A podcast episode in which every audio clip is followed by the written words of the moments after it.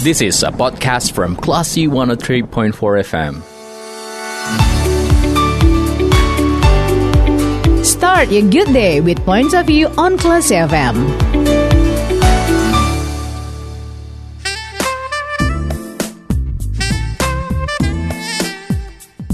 Dari Bumi Karang Putih Darung Padang menurut for Kelas FM This is the Cool Radio Assalamualaikum, selamat pagi kelas people Gimana kabar Anda di pagi hari ini?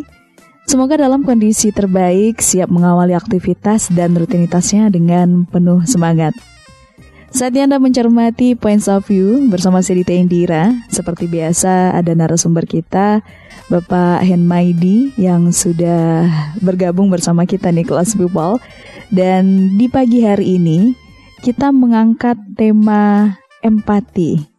Jadi empati ini selalu dikaitkan dengan hubungan kemanusiaan yang kita implementasikan di berbagai aspek. Lalu bagaimana caranya kita bersikap agar bisa menimbulkan empati sebagaimana mestinya yang dilakukan dalam interaksi di lingkungan?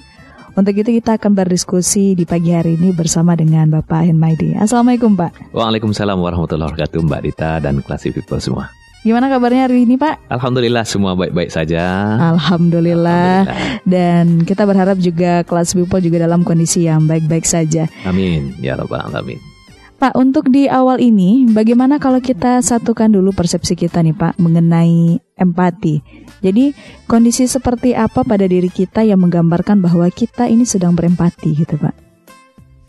Ya, terima kasih Mbak Dita. Classy People.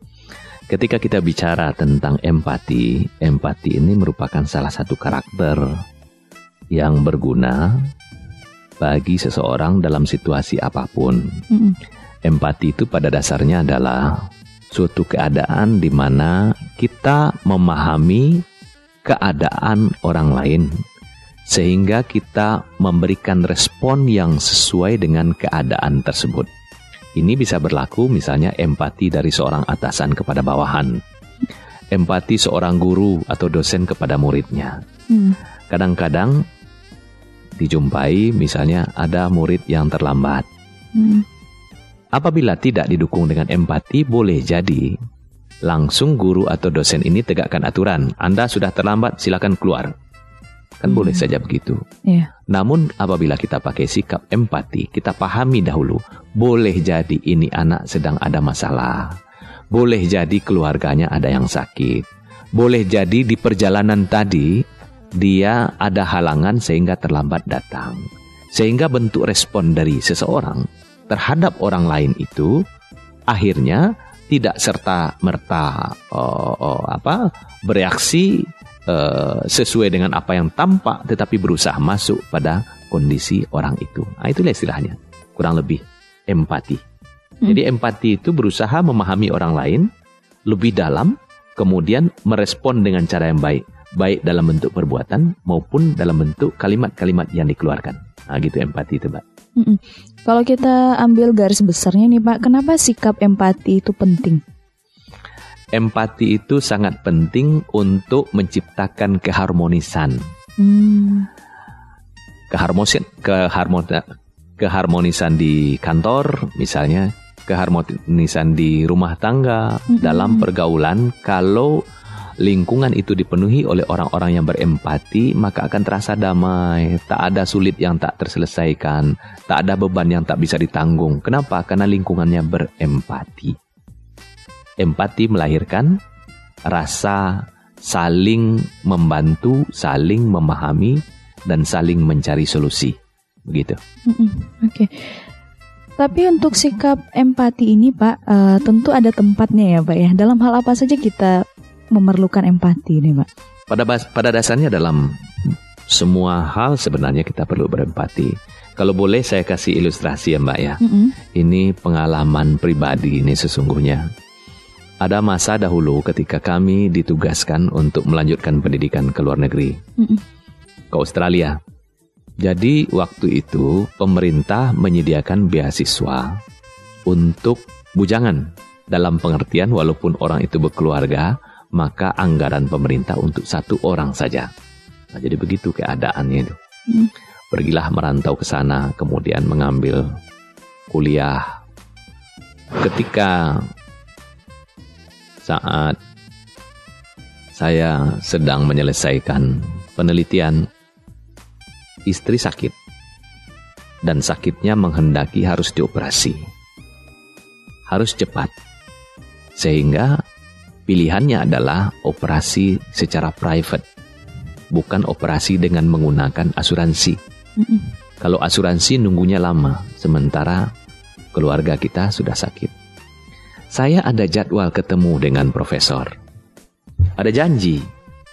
Maka pada waktu itu saya telepon pembimbing ini, saya katakan, Prof, saya tidak bisa ke kantor. Saya tidak bisa melapor pada Anda hari ini.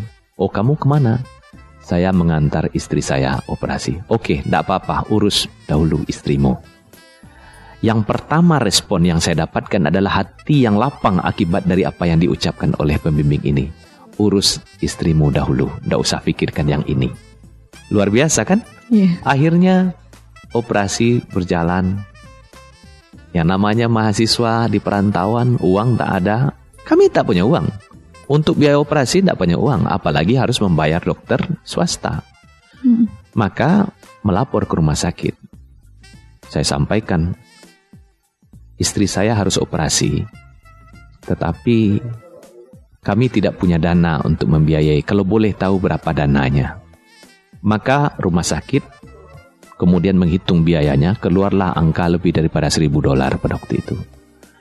Lalu saya katakan saya tidak punya uang. Apakah ada jalan untuk menurunkan biaya itu? Yang biaya rumah sakit bisa. Bisa kamu cicil. Kapan kamu bisa? Cuma saya tidak tahu dengan jasa dokternya. Bagaimana caranya? Saya tanya. Kamu datang ke dokternya, tanya sama beliau, apakah beliau mau pembayarannya ditunda. Akhirnya saya datang ke dokternya. Jadi saya potong di situ dulu ya. Respon pegawai rumah sakit adalah empati. Iya. Dia mungkin punya aturan, biayanya segini. Kalau Anda mau laksanakan treatment, harus cukup anggarannya. Ketika Anda belum cukup anggaran, carilah dulu baru datang lagi ke sini. Yang terjadi bukan begitu. Operasi didahulukan, Soal biaya rumah sakit bisa dicicil berapa kamu sanggup. Tapi saya tidak tahu dengan dokter. Ini jasa dokter. Oke, berarti saya mendapatkan empati luar biasa dari pegawai rumah sakit. Kemudian saya datangi dokter yang mau operasi. Setelah disambut di tempat praktiknya, kemudian saya utarakan terkait dengan rencana operasi istri saya yang kamu yang akan operasi. Saya akan terpaksa tidak menggunakan asuransi jadi biayanya private, saya harus tanggung sendiri. Problemnya saya belum punya uang. Boleh ndak? Saya cicil. Oh ndak apa-apa, ndak apa-apa. Kata dokternya. Jadi ndak apa-apa kata dokter. Waktu itu jasa dokter lebih daripada 800 dolar. Berapa lama saya mencicil? Terserah kamu saja berapa sanggup. Yang penting istrimu selamatkan terlebih dahulu. Sekali lagi, pada diri si dokter ini saya mendapatkan empati. Dia memahami kondisi saya sebagai orang asing, pelajar yang memiliki keluarga yang lagi sakit, tapi harus dioperasi, tak punya dana.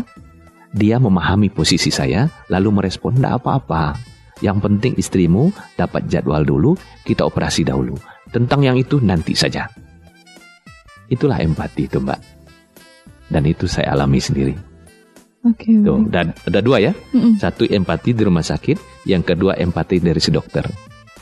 Lalu bagaimana? Eh, yang pertama tadi dari dari profesor. Dari profesor ya. Beberapa hari setelah itu, saya datang menemui profesor. Saya agak deg-degan karena progres belum banyak kan. Saya khawatir ditanya gimana progres kamu. Begitu saya ketuk pintu, kemudian saya masuk ke dalam ruangan kerja beliau itu. Kemudian saya dipersilakan duduk. Tahu nggak apa pertanyaan pertama? Bagaimana istrimu? Jadi dia tidak menanyakan bagaimana progresmu, tapi bagaimana istrimu yang dioperasi kemarin. Saya katakan, Alhamdulillah, thanks God, my wife is getting better and at home now. Saya katakan begitu sama profesor. Saya pikir beliau akan lanjut menanyakan kepada tugas uh, penelitian. Ternyata tidak kamu operasinya pakai asuransi kan? Rupanya dia mencemaskan saya. Hmm. Saya katakan tidak, Prof. Kalau operasi pakai asuransi, waktunya antri panjang atau alternatif pergi ke rumah sakit lain jaraknya dua, dua jam perjalanan naik, naik kereta dari tempat saya. Sementara istri saya harus operasi. Jadi kamu private? Iya private prof. Kamu punya uang? Nah, saya katakan terus terang. Sebetulnya tidak. Akan tetapi saya berjumpa dengan orang-orang yang luar biasa. Di rumah sakit saya dimudahkan dan dengan dokter pun mau memberikan keringanan kepada saya. Jadi gimana solusinya? Saya katakan pada dokter saya bayar nanti. Oh begitu. Berapa utangmu? Tanya profesor itu. Saya katakan 800 dolar. Oke. Baru kami berbincang tentang yang lain. Waktu berlalu beberapa saat setelah itu saya ditelepon oleh profesor itu. Saya bekerja di atas laboratorium ada ruangan. Mm -hmm. Dan beliau di gedung yang lain. Saya ditelepon, Head Maidi kamu ke ruangan saya. Akhirnya saya ke ruangan beliau, disuruh masuk, duduk. Kemudian dia berkata begini. Kamu pergi ke bagian administrasi di departemen, oke? Okay? Bawa tulisan ini, kertas ini. Saya buat notis. Kamu saya beri hadiah namanya Engineering Award yang saya berhak memberikan kepada student-student saya seribu dolar. Menggigil saya pada waktu itu. Ternyata si profesor itu tidak berhenti memikirkan muridnya. Saya sudah senang saja karena sudah diberikan kelapangan. Akan tetapi profesor itu mencarikan jalan. Dia ambilkan dari riset grantnya, dia beri nama Engineering Award, kemudian saya diberinya seribu dolar. Saya bawa kertas catatan notis itu ke bagian administrasi di jurusan. Saya serahkan kepada orang di sana, lalu dia baca, Oke, okay, congratulations katanya. Selamat kamu mendapat hadiah ini. Lalu langsung dia tulis cek tanpa tanya, tanpa minta ini, minta itu, konfirmasi. Langsung dia tulis cek pay to hand Handmaidi seribu dolar. Ambil dari akun ini. Cek saya terima. Kemudian saya uangkan. Langsung pergi ke dokter. Bayar hutang. Masya Allah berlebih lagi 200 dolar. Yeah. Alhamdulillah. Sekali lagi, ini adalah gambaran empati. Betapa profesor saya ini, pembimbing ini, dia bukan muslim. Tapi empatinya begitu dalam. Dan saya merasa ada gilirannya sikap empati itu harus menjadi pakaian hidup saya dikarenakan saya dibantu oleh empatinya begitu banyak orang. Gitu tuh kisahnya Mbak Dita. Oke Pak, dari um, kisah Bapak yang menjadi ilustrasi kita juga hari ini gitu ya Pak ya. Di sini kan kita bisa melihat um, empati ini berarti memberikan aksi juga ya Pak ya. Betul, empati langsung ke solusi, mm -mm. tak sekedar merasa kasihan. Iya. Ya. Berarti kalau kita balik ke istilah empati, kita kan juga ada mengenal istilah simpati nih Pak. Ya. Nah dari kisah Bapak ini, kalau kita contohkan bedanya empati dengan simpati ini seperti apa Pak? Ya, jadi kalau kita buat pengertian antara empati dengan simpati ini sebenarnya dia beririsan. Mm -mm.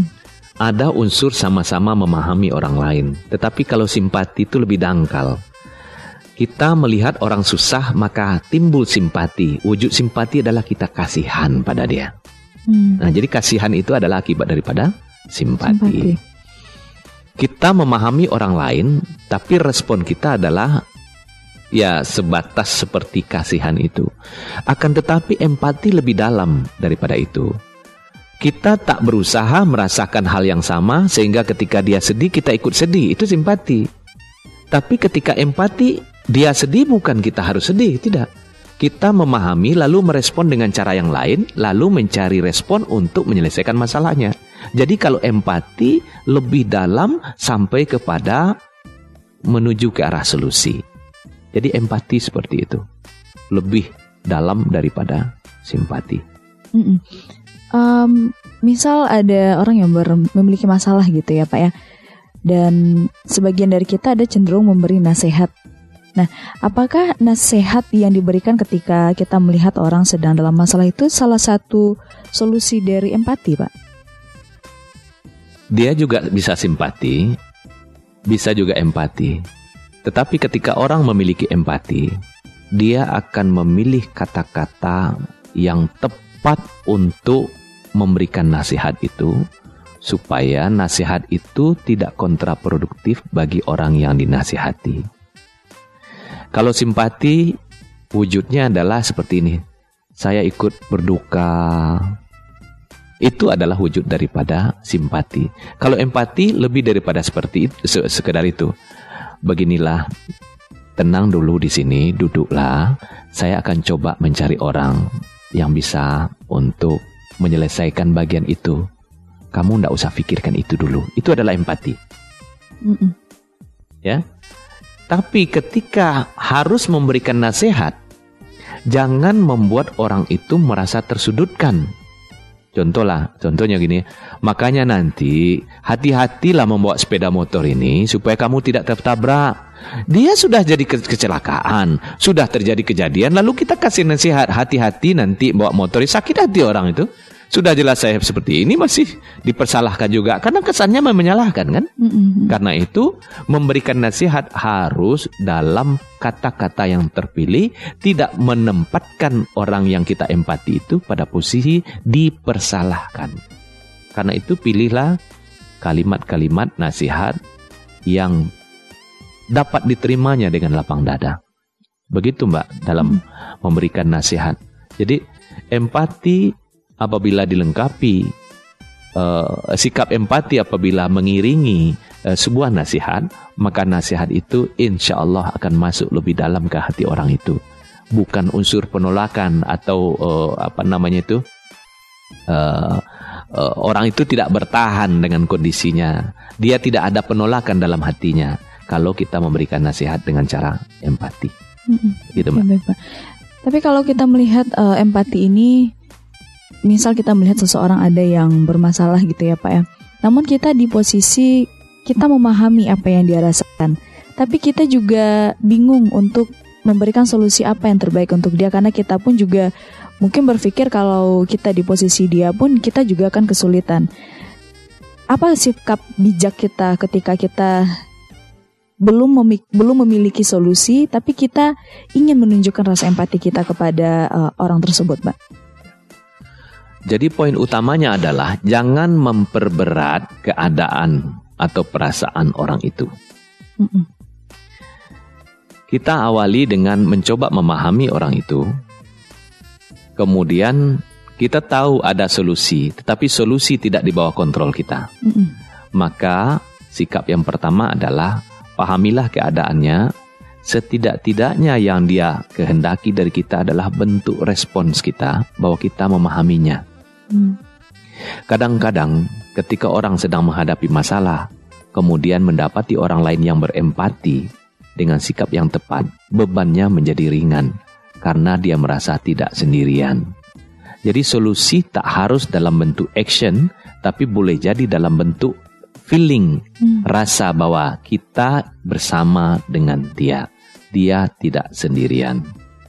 Itu pun sudah sangat membantu. Boleh jadi justru itu yang akan menjadi pemicu bangkitnya semangat orang lain. Mm-hmm.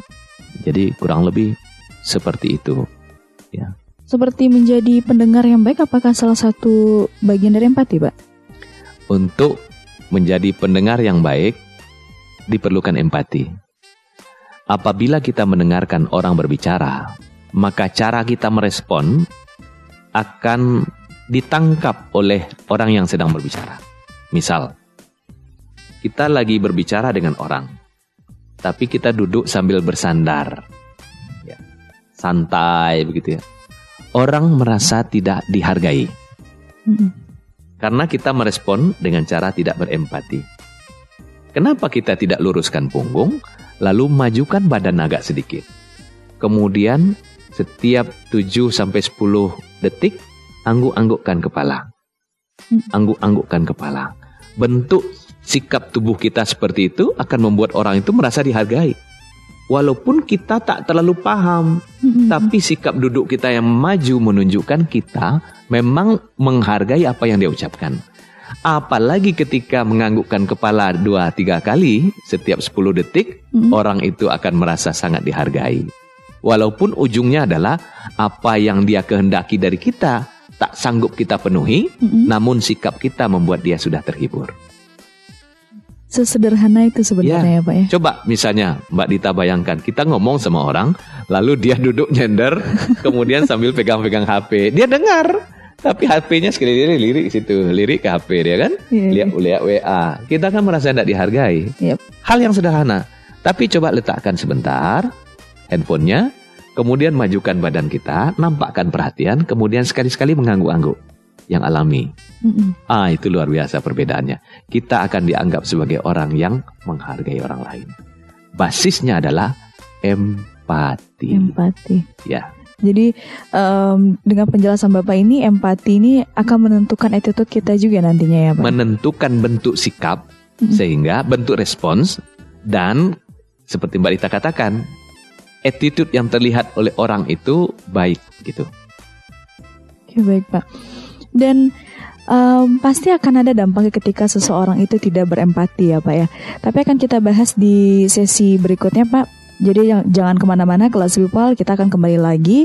So keep in tune di 103.4 kelas FM di Actual Radio. This is a podcast from Classy 103.4 FM. Makes a good perspective with points of view on Classy FM.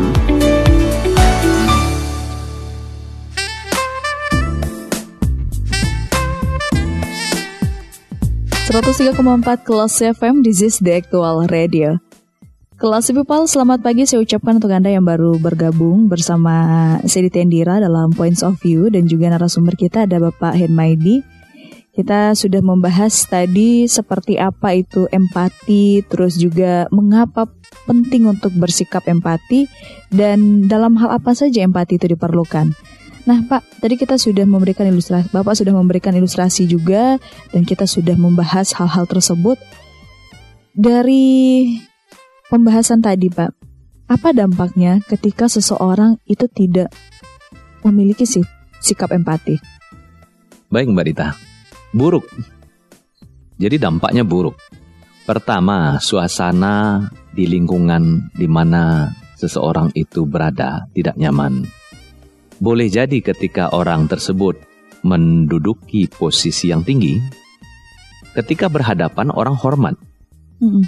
ya, tersenyum padanya. Tetapi dari kejauhan atau ketika dia membelakang, orang-orang mencibir. Ya.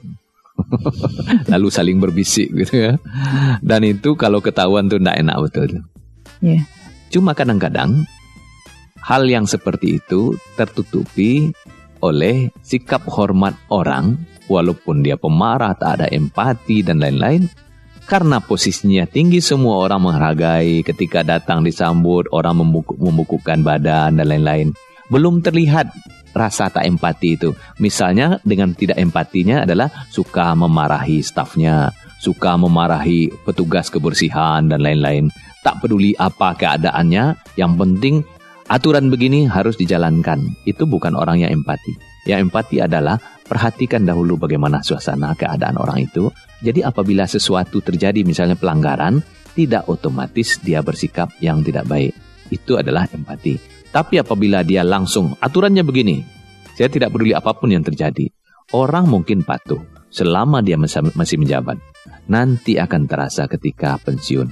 Satu hari dia pensiun, akan terjadi perubahan yang sangat besar.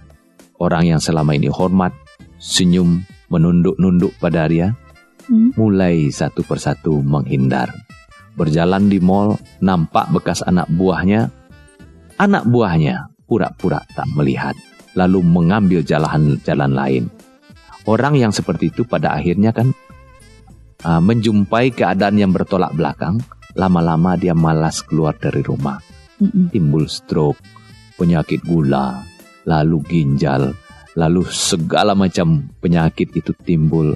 Boleh jadi penyebabnya adalah ketika dia berada pada posisi yang tinggi, dia tak berempati dan akibat buruk dia rasakan belakangan.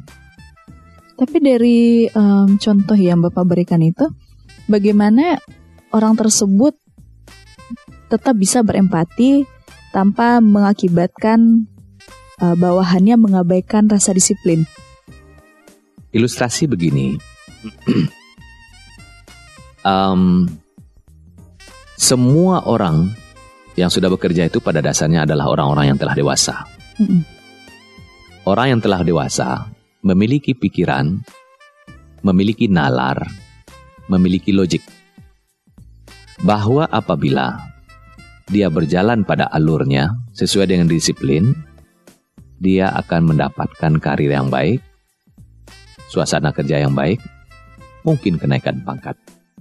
Dan setiap orang paham apabila dia suka melanggar disiplin, dia akan mendapatkan tidak akan mendapatkan seperti orang lain, gitulah kurang lebih. Mm-mm.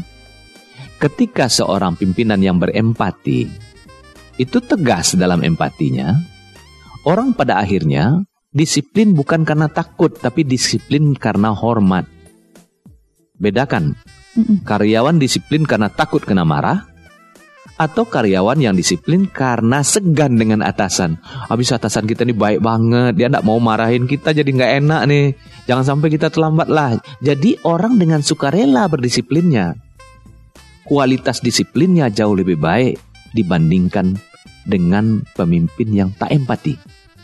Pemimpin yang tak empati, karyawannya disiplin karena takut karyawan. Sementara ketika atasan yang empati, karyawannya disiplin karena hormat dan segan. Beda nggak? Iya Pak. Beda sekali. Justru kualitas disiplinnya jauh lebih bagus, kualitas disiplinnya di bawah kepemimpinan yang berempati. Dan empati yang tulus itu akan diterima oleh bawahannya pastinya ya Pak ya. Tanpa dia harus eh, bersusah payah mendeklarasikan bentuk kepeduliannya. Ya. Jadi seperti ilustrasi kita tadi, ketika atasan yang berempati ini terpaksa untuk menaik tidak menaikkan pangkat bawahan dia, sementara ada yang lain naik pangkat, pindah jabatan dan sebagainya, si bawahan itu paham bahwa tak ada niat buruk dari atasan saya kepada saya. Kenapa? Track recordnya selama ini. Sehingga pada akhirnya dia menerima inilah konsekuensi Pak karena memang aturan sudah ada ya gimana lagi Pak saya terima. Jadi itu dengan rasa rela orang akhirnya menerima. Ya, kenapa? Karena dia tahu pimpinan ini orang baik, orang yang berempati, tak mungkin punya niat jahat pada dia. Dari mana dia tahu itu? Dari track recordnya selama ini. Oke, baik Pak.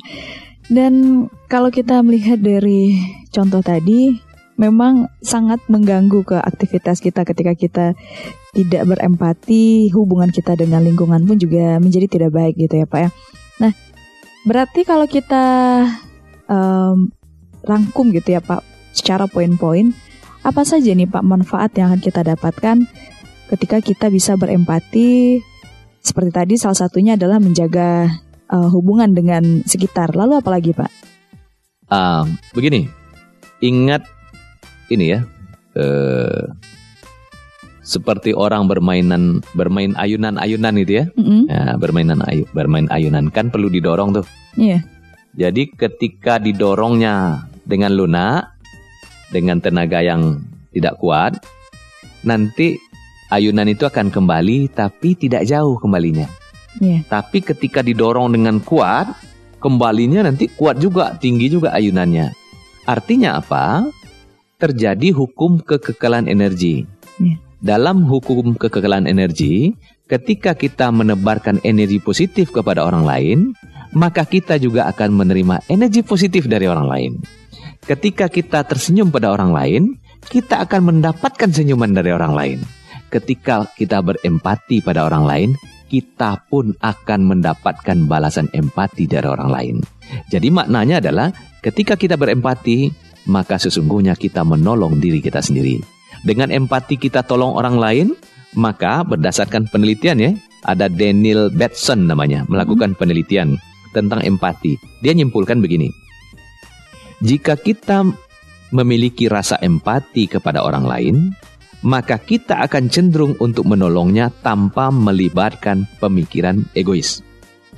Jika tidak, kita hanya akan menolongnya dengan harapan akan mendapatkan balasan.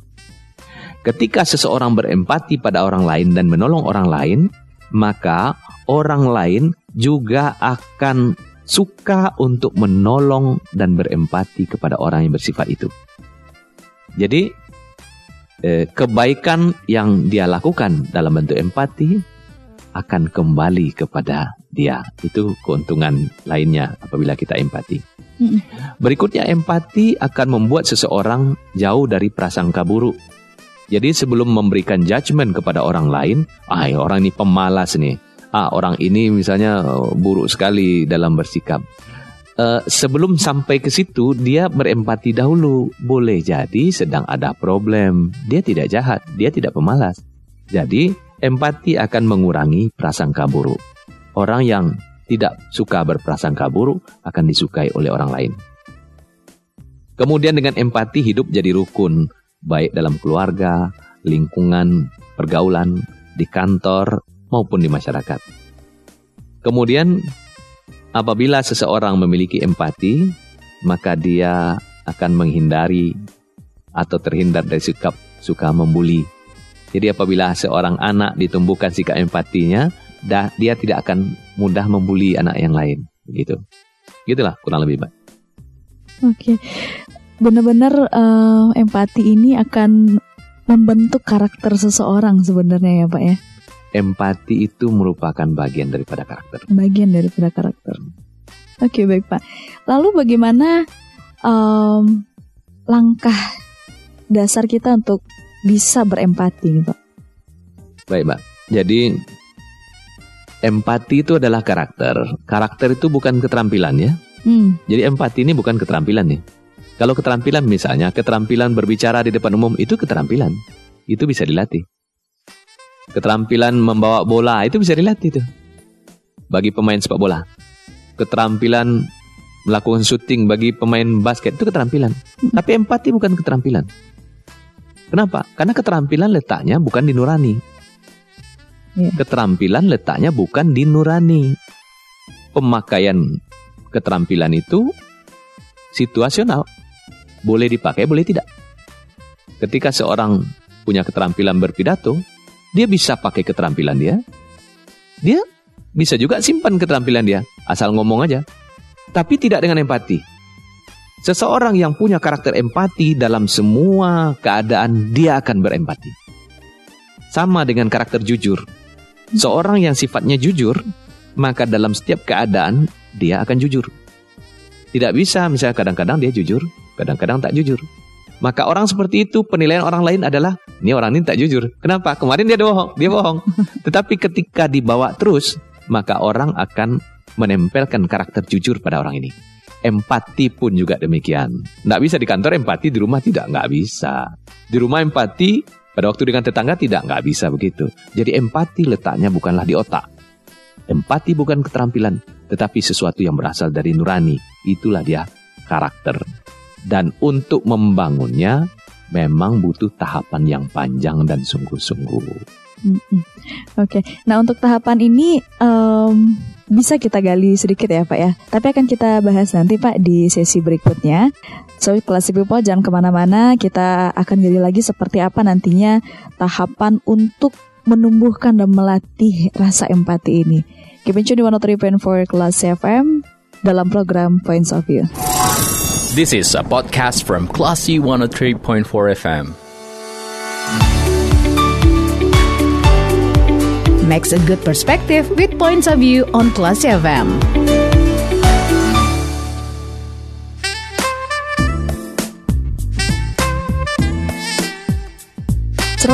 empat kelas FM, this is the actual radio.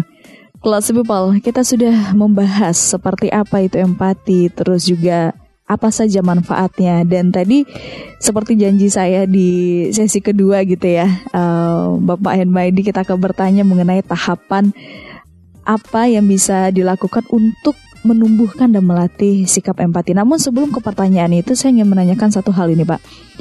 Biasanya apa sih Pak yang menjadi penghalang seseorang itu sulit untuk bersikap empati, Pak? Baik, makasih. Pertanyaan yang yang simple tetapi uh, berat ini jawabannya Mbak Rita. Penghalang sikap empati. Mm-mm. Empati itu adalah karakter.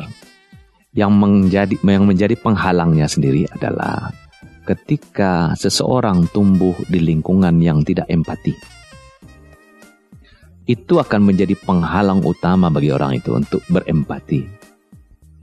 Seseorang boleh jadi dia memiliki empati yang sangat tinggi, tapi ketika dia ditanya, apa itu empati, dia tak bisa jawab. Kenapa? Empati adalah kebiasaan. Empati lebih naik daripada itu jadi culture-nya dia. Di atas itu lagi terinstil jadi karakternya. Jadi empati seperti yang kita ceritakan tadi merupakan karakter. Penghalangnya adalah karena bibit empati tidak tumbuh di dalam diri seseorang itu. Jadi dia tidak berkaitan dengan misalnya apakah seseorang itu memiliki uh, sifat terbuka seperti extrovert, extrovert mm -hmm. atau introvert bukan itu. Ya, tetapi yang akan menjadi penghalangnya adalah bahwa bibit karakter empati tidak tumbuh pada diri seorang itu. Itu yang membuat dia menjadi orang yang susah untuk berempati. Jadi empati itu bukan keterampilan, sekali lagi bukan mm -hmm. keterampilan, tetapi sesuatu yang ada di nurani yang mengendalikan cara bersikap. Jadi boleh jadi penyebabnya adalah satu ketidaktahuan, mm -hmm. yang kedua tidak belajar juga, yang ketiga hidupnya tak tumbuh di lingkungan yang empati. Itu akan menjadi penghalang bagi seseorang untuk berempati. Oke, nah ketika seseorang uh, di tumbuh tumbuh dan besar di lingkungan yang minim rasa empati gitu ya Pak dan ketika dia uh, menjadi lebih dewasa gitu dan menyadari kalau empati itu ternyata penting gitu. Bagaimana atau apa langkah yang bisa dilakukannya agar dirinya bisa menumbuhkan dan melatih rasa empati tersebut? Ya. Terima kasih Mbak Rita. Jadi, empati dapat tumbuh secara alamiah yaitu dengan cara environment mindset atau menumbuhkan habitat yang cocok untuk tumbuhnya karakter empati tetapi empati juga dapat dibangun secara sistematis. Sebagaimana seseorang sudah sampai pada posisi di mana secara uh, dari kehidupan sejak kecilnya tidak dalam lingkungan empati, tapi pekerjaannya menuntut dia harus empati. Hmm. Maka dia dapat lakukan beberapa langkah dan hal begitu uh, seperti ini. Pertama, berusahalah menjadi pendengar yang baik ketika kita berkomunikasi dengan orang lain, jangan sibuk dengan pikiran kita sendiri. Sering-sering orang ketika berbicara dengan orang lain, kepala dia itu sibuk memikirkan argumen yang akan disampaikan berikutnya sehingga tidak fokus mendengarkan apa yang disampaikan oleh orang lain. Jadi untuk membangun empati, fokus pada apa yang didengarkan Jangan fokus memikirkan kalimat yang akan diung diungkapkan untuk membalas orang itu. Jadi itu poin yang pertama. Berusaha jadi pendengar yang baik. Apabila berkomunikasi, jangan fokus hanya dengan jalan pikiran sendiri, tapi dengarkanlah apa yang disampaikan oleh orang lain. Kita susah untuk menangkap apa yang disampaikan orang lain ketika otak kita memikirkan hal yang lain lagi. Itu yang pertama. Mm. Yang kedua, berusahalah untuk memahami terlebih dahulu sebelum meminta untuk dipahami oleh orang lain. Ambil posisi proaktif memahami. Jangan belum apa-apa sudah menuntut untuk dipahami. Nah, itu yang kedua, Mbak. Yang berikutnya adalah jika sudah memahami lawan bicara, cobalah untuk menempatkan diri pada posisi orang tersebut, baru menyusun respons yang tepat untuk menanggapinya. Jadi kalau kita pikirkan dalam komunikasi kan, satu, dengarkan dengan baik. Yang kedua, pahami. Setelah pahami, coba berdiri di posisi orang itu, lalu baru dirancang apa responsnya. Nah, itu antara lain antara lain eh, cara membangun eh, empati itu. Mau dilanjutkan nih Mbak? Silakan, Pak. Lanjut ya, baik. Eh, yang keempat ya, sering-seringlah untuk melihat dan meresapi bagaimana keadaan orang yang kurang beruntung dibandingkan diri kita. Apabila kita senantiasa memandang kepada orang yang lebih beruntung, biasanya kita akan menyesali nasib kita, kita akan memandang kita serba kekurangan, akibatnya kita tidak mensyukuri apa yang kita punya. Ketika kita menjumpai orang yang susah, maka kita tidak memiliki empati. Apa sebab kita sendiri merasa susah? Ya. Karena itu untuk membangun empati, sering-seringlah memperhatikan bagaimana nasib orang yang lebih rendah atau lebih kurang beruntung dibanding kita. Sebagian orang yang kurang beruntung kadang-kadang tidak mau membicarakan kesusahannya kepada orang lain. Karena itu sering-sering perhatikan. Yang kelima, jangan buru-buru bertindak sebagai suatu respons sebelum memikirkan baik-baik.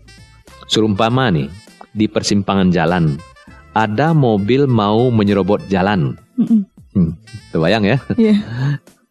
Padahal saat itu hak kita untuk maju. Mm-mm. Oke?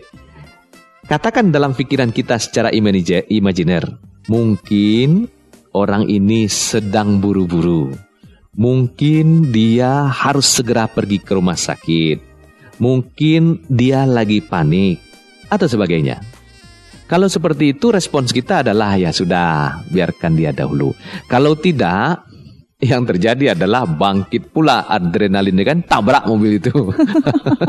yang terjadi justru hal yang buruk. Ini sering terjadi di jalan nih.